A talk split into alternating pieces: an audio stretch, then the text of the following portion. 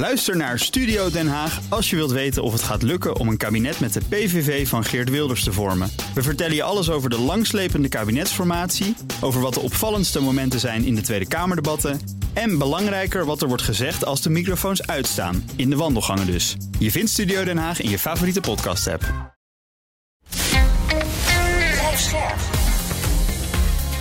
BNR Nieuwsradio. Boekenstein en de Wijk. Hugo. Welkom bij Boekenstein en de Wijk. Het is donderdag, dag 470 van de oorlog in Oekraïne. En wij hebben een vraag van Alex Kuiper. Die zegt, beste Rob en Arjan, het is wel met zekerheid te stellen dat de aanval van Poetin in 2022 niet is verlopen zoals hij had gepland. Tegelijk hoor ik jullie in de podcast herhalen dat de tijd in het voordeel van de Russen werkt. Terwijl dit ongetwijfeld absoluut niet het oorspronkelijke plan was. Zijn strategie is dus zeker niet zijn oorspronkelijke. Moeten we als het Westen dan niet, naast het steunen van Oekraïne, toewerken naar een mogelijke exit-strategie voor Rusland? Om een opening voor Poetin te creëren dat hij een soort van overwinning kan claimen om daarna weer te vertrekken? Ja, dat is echt een hele goede vraag hoor, dit. Kijk, ik vind dat je sowieso een exit-strategie uh, moet uh, ontwikkelen. Hoe die er ook uitziet. Maar niet uh, om ervoor te zorgen dat Poetin uiteindelijk toch een overwinning kan claimen. Je moet voor jezelf bepalen onder welke omstandigheden je door wilt gaan en onder welke omstandigheden je weg wilt gaan. Nou, van een exit-strategie is op dit ogenblik geen sprake. maar stel je voor dat het fout gaat. Hè? We hebben nu een hele discussie over F-16's.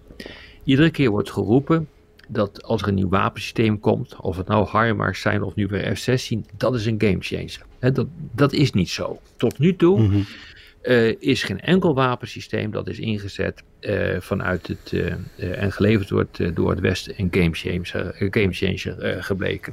Dat wil niet zeggen dat het niet fantastisch is voor Oekraïne en dat die er heel dankbaar voor zijn. Zeker, want anders hadden ze de strijd al lang verloren. Maar een gamechanger in de zin van. En nu gebeurt het. En nu kun je een offensief uitvoeren, uitvoeren. En nu kun je de Russen pakken waar je ze wil, wilt pakken. Dat is het niet. Maar je moet wel nadenken bijvoorbeeld over wat komt er nou na die F-16.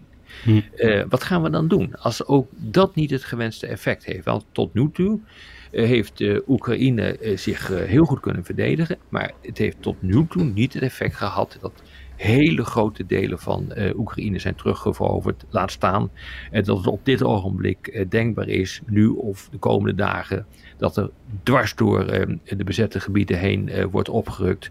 Om via Melitopol bijvoorbeeld de landbrug tussen de Krim en Rusland te ondermijnen. Dat, dat, dat, dat kan niet. Dus, en stel je nou voor dat er helemaal niks gebeurt. Dat door die F-16's je, ja, eigenlijk de successen ook uitblijven. Wat gaan we dan doen? Hmm. Gaan we dan eeuwig uh, uh, meer wapens leveren, eigenlijk meer van hetzelfde leveren? Gaan we dan met grondtroepen erin? Of zeggen we op een gegeven moment, nou, dit heeft geen zin, we gaan dit afbouwen en we accepteren ons verlies. Dat hebben we in Afghanistan gedaan, om maar eens wat te noemen. Dat is in, dat is in, dat is in Libië gedaan in 2010-11. Eh, dus de, het Westen heeft een reputatie op dit eh, gebied om hm. niet eeuwig door te gaan. Hm.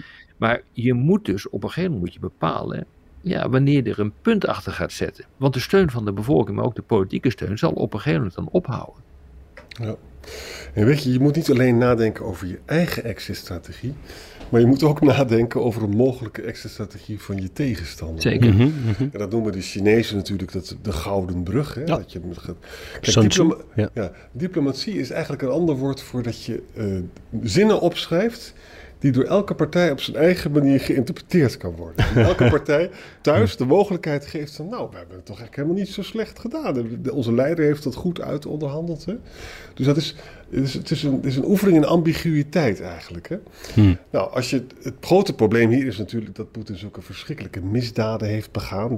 daardoor kunnen we over die gouden bruggen allemaal niet zo goed praten.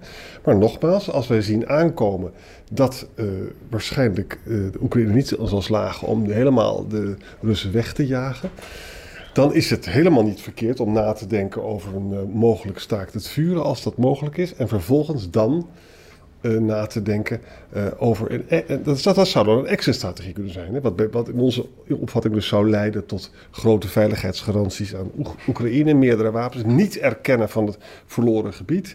En Rusland kan dan thuis zeggen: ja, ik heb een westerse aanval afgeslagen. Het is dus het is echt van belang hoor, om ook, ook vanuit het Russische belang erover na te denken. Hmm. Waarom? Rusland blijft op de kaart bestaan. Ook als Rusland in elkaar lazert en Poetin wordt afgezet, dan wordt het nog instabieler allemaal. Dan zullen we, moeten we nog maar hopen dat we daar nog iemand kunnen vinden met wie we kunnen praten. Dus dit mensen denken over het algemeen niet zo, maar daar gaat het natuurlijk. Je moet met je tegenpartij op een gegeven moment kunnen praten. Want we gaan, we gaan niet honderd jaar daar oorlog voeren, toch? En, en daar, uh, dat is allemaal eindig. Elk, elk conflict eindigt aan de onderhandelingstafel. Uh, zo simpel is het. En die onderhandelingstafel, daarin zit altijd een, een exit-strategie. Um, voor een van de partijen, voor welke partij dan ook. Dat kan voor Rusland een exit-strategie zijn, dat kan voor Oekraïne een exit-strategie zijn, maar ook voor het Westen die de wapens levert. En die dus feitelijk een soort van proxyoorlog voert in, in Oekraïne. Dus uiteindelijk moet je nadenken hoe je hierover uitkomt. Nou, dat zijn politiek, zijn dat discussies die eigenlijk niemand wil voeren. Uh, de Oekraïners willen hem niet voeren, want die zeggen wij gaan uh, eerst winnen. En onze exit-strategie is alle Russen uh, het land uit en wij winnen. En dan klaar. Maar dat is op dit ogenblik niet het meest geloofwaardige scenario. Het zou kunnen. De wonderen zijn de wereld nog niet uit. Als Rusland echt totaal incompetent blijkt, dan zou het kunnen. Maar normaal gesproken is dat heel lastig of bijna onmogelijk. Uh, het, uh, het Westen wil er niet over praten, want die zegt onze strategie is, maar dat is helemaal geen strategie. Uh, wij gaan leveren wat, wat Zelensky wil. Hè, dat is gewoon, ja, dat, dat is een, ja, dat is een gebed zonder end. Dat, daar, daar zit geen einddatum aan. Dus dat, dat moet je doen op dit ogenblik, maar dat kan je niet eeuwig volhouden. Politiek niet, maar ook maatschappelijk niet. Uh, en dan de Russen, daar geldt feitelijk hetzelfde voor. Die kunnen ook niet heel doorgaan. Uh, en die uh, moeten op een gegeven moment ook een uitweg zien te vinden uit deze ehm, situatie. En dat is ook een exit-strategie. dus ontzettend complex. Maar alle partijen moeten nu nadenken over hoe kom je hier uiteindelijk uit. En ja. dat is aardig, hè? want vorige week hadden wij het geloof ik over Kissinger. Ja. Mm Kissinger, die uh, ook veel behartenswaardigs heeft uh, gezegd over de Eerste Wereldoorlog. En die zei van ja, in, uh, in 1916 werd nagedacht over de uitzichtloosheid en hoe we eruit zouden kunnen komen. Mm -hmm. En dan zag je dat alle partijen bezig waren om een exit te bedenken, een exit-strategie te ontwikkelen. Heeft trouwens nog twee jaar geduurd hoor, tot 1918. Ja. En miljoenen doden. elkaar hebben gekregen. Dus je, je kunt nu zo'n strategie wel hebben, maar dat wil nog niet zeggen dat je er ook direct uit bent. Weet je, de keizer Willem II wist dus aan eind 1914 al van zijn experts dat het een verschrikkelijke loopgravenoorlog zou worden en dat Duitsland dat misschien niet zou kunnen winnen. En hij durfde niet te gaan praten, omdat dat zou leiden tot een uh, socialistische opstand in zijn eigen land. Dus ja, en de, en de Amerikanen nu, het is een ontzettende parallel met uh, Oekraïne uh, nu, want de Amerikanen denken van dit kan Zelensky op deze manier nooit winnen. Uh, vandaar dat in mei vorig jaar de Amerikanen hebben gezegd: wij doen er alles aan om jou een goede uitgangspositie te geven aan de onderhandelingstafel. Heeft hij afgelopen december volgens mij nog een keer herhaald toen uh, Zelensky bij, uh, bij hem in het Witte Huis was. Ja. maar dit is echt de enige die echt een strategie heeft en een exit-strategie is Biden. Ja. En, de, en de rest heeft het niet, volgens mij. Europa al helemaal niet. Nee, Europa helemaal niet, maar die heeft überhaupt geen strategie. Hm. Hey, ik, ik, denk toch een soort verschil te horen tussen wat jullie twee zeggen. Daar, daar wil ik dan meteen even aandacht op vestigen, want dat mhm. gebeurt niet zo vaak. Rob, jij wijst vooral op het, het Westen moet nadenken over zijn exit-strategie of, of hoe het verder wil na die F-16's. Maar je zegt een gouden brug voor Poetin. Nee. En Arjan, ik hoor jou toch zeggen van, ja, we moeten wel nadenken over hoe, nou ja, misschien een... Uh, bladgouden brug iets gegeven kan worden waarmee ze thuis kunnen komen. Nou in de zin van, kijk, je erkent nooit het gebied dat Rusland vervolgens eh, bezet houdt nog. Dat, dat erken je gewoon niet. Het is een agreement to disagree. Maar het is wel zo bij zo'n frozen conflict dat je het dan de facto accepteert, de situatie. En dat je dus doorgaat met het leveren van wapensteun aan de Oekraïne. Maar dat, die, de facto erkenning, zou je kunnen zeggen, die is de gouden brug voor, uh, uh, voor Poetin. Hm. Nou ja, nou ja ik, ik, dan ga je terug naar de maanden na de invasie. Uh, toen lag er een uh, scenario op tafel. Er werd ook echt onderhandeld over door de Russen en de Oekraïners. waarbij de Russen zouden beloven om zich terug te trekken uit de bezette gebieden. Maar dan wel de controle zouden houden over die zogenaamde volksrepubliekjes, Donetsk, Luhansk en Donetsk. en dat de Krim zou dan geparkeerd worden. En er zou in een later stadium over worden gesproken. Daar, daar, dat, dat is aan de orde geweest. Mhm. Maar niemand heeft dat gepakt, uiteindelijk. Niemand wilde dat, omdat ehm, de Russen dachten van nou, ehm, dan halen we Zepet. Dat willen we niet. En we hebben nog kansen genoeg, want we hebben al een enorm gebied uh, veroverd in het uh, zuiden. En de Oekraïners uh, hadden eigenlijk ook zeker naar de uh, het afwenden van al het gevaar rond Kiev en het verdrijven van de Russen uit het noorden geen enkele behoefte meer om uh, te gaan onderhandelen. Mhm. Exact, En bovendien speelde Bucha daar doorheen, hè, waar die enorme massaslachting is. Toen werd iedereen zo verschrikkelijk boos in, uh, in Oekraïne dat ze zeiden tegen, tegen Poetin: bekijk het maar, maar nou vecht de weg door. Laten we hopen dat uh, Oekraïne toch nog heel veel terrein weet terug te winnen. Want het grote probleem bij dit verhaal is ook dat Poetin heeft eigenlijk geen enkele prikkel om te gaan praten. Ook als je niet verliest. Want als er namelijk een frozen conflict komt, dan kan Oekraïne sterker worden. En, mhm. eh, en Poetin verliest dan de volgende oorlog ook. Dus dat is, dat is het gat in de redenering eigenlijk. Hè? Ja, ja die uh, Russen zitten in een soort catch-22 situatie. Ze kunnen niet vooruit, ze kunnen niet achteruit. En elke, elk besluit dat ze nemen is een slecht besluit. Zo is het. Uh, dus daar zit, daar zit echt wel een groot probleem in. Maar ik vind um, uh, dat met name het Westen, wetende dat je niet eeuwig je kan committeren aan een conflict, echt moet nadenken op de achtergrond. Dan hoef je niet te communiceren hoor naar de buitenwereld over een exit-strategie. Hm. Je hebt gewoon geen andere keus. Realiseer je, alles komt uh, ten einde. We hebben twintig jaar in Afghanistan gezeten. Hè? Dat realiseren we ons uh, niet, misschien. Hm. Maar het heeft wel geleid tot een smadelijke afgang. Uh, een paar jaar geleden, toen iedereen hals over kop Kabul moest verlaten. Ehm, aan een aantal trajecten is men helemaal niet begonnen. Grondtroepen in Libië na de bombardementen van 2011. Dat is hem ook niet geworden. Daar had men eigenlijk al een soort extra strategie op voorhand ontwikkeld van dit gaan we niet doen. Want als we dat gaan doen raken we betrokken bij een uh, grondoorlog en dat willen we niet. Dus eh, maar iedere keer zie je, en dat is echt een groot probleem van het Westen, men gaat erin en eigenlijk onvoldoende rekening houdend met de toekomstige dynamiek van het conflict, een soort can-do mentaliteit, een optimisme over wat je kunt uh, bereiken. Ja, en uiteindelijk, uiteindelijk zie je gewoon dat, dat de steun onder de bevolking en daarmee de politieke steun uh, weg hebt. Men heeft geen bereidheid meer om uh, nog langer door uh, te vechten, nog meer wapens te leveren. En dat gaat natuurlijk uiteindelijk ook met Oekraïne gebeuren.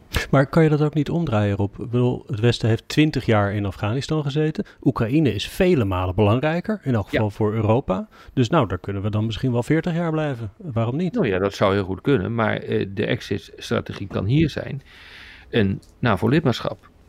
Of de veiligheidsgaranties. Maar dan wel juridisch bindend. Want zonder juridisch bindende veiligheidsgaranties eh, hebben we nog steeds geen echte veiligheidsgarantie. Want dan is het garantie tot aan de voordeur. Exact. Met andere woorden, een exit-strategie betekent dus niet dat je Oekraïne in de steek laat. Hè? Nee. Het betekent alleen maar dat je naar een, uh, een toestand gaat waarbij de, waarbij de wapens zwijgen. Dat, is, dat zal heel waarbij de zijn. wapens zwijgen en jouw rol wordt verkleind. Dat is, het, dat is het hele punt. Ja. dat, je dus, uh, dat je dus kan ophouden uh, met de mate van leveringen op dit, uh, dit gebied. En dat kan, dat kan als je bijvoorbeeld gaat nadenken over NAVO-lidmaatschap. Die zal dus ook een grote rol gaan spelen in die exit-strategie. Ja.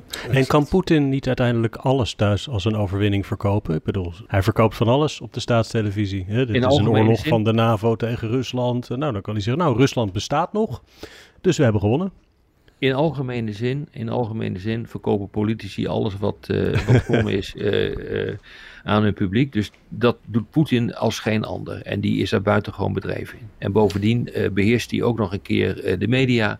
Dus dat kan hij inderdaad zo op die manier gaan doen. Hij zal altijd een overwinning boeken. Op papier. Maar we denken wel, jongens, we hebben dus eh, in die talkshows zien we dus nu mensen die echt heel frank en vrij spreken. En grote kritiek hebben op die hele oorlog. Hè. Dat is nu gewoon op tv. Ja. We, we, weten ook al die Russische bloggers, die zijn nogal openhartig. En die gekke Prigozhin. Het is ook niet uitgesloten dat als Poetin dat zou doen. Hè, stel je voor dat hij, even een scenario. Uh, Oekraïne heeft heel veel succes. En het enige wat Poetin nog kan zeggen, ja, ik heb een aanval van het Westen afgeslagen dan is het toch ook niet onmogelijk dat er, dat er toch uh, dat het zich gaat roeren in de Russische samenleving. We weten het gewoon niet. We weten het niet. Maar op zichzelf genomen, in een repressieve samenleving, waar de media in je hand is, kun je natuurlijk veel meer doen dan uh, in Nederland. En het aantal, aantal autocraten dat door een verloren oorlog uh, uit het zadel is gewipt, is echt zeer beperkt. Hm. In, de, in de geschiedenis. Saddam Hussein is een prachtig voorbeeld. Uh, die uh, verloor de oorlog in Kuwait begin van de jaren negentig, maar bleef gewoon lekker zitten. Ja. Goed, dus resumerend voor Alex, als hij vraagt: moeten we toewerken naar een mogelijke exit-strategie voor Rusland? Dan is het antwoord nee, maar wel voor onszelf. Niet één waarbij we Oekraïne in de steek laten, maar een, een soort stabiliteit creëren.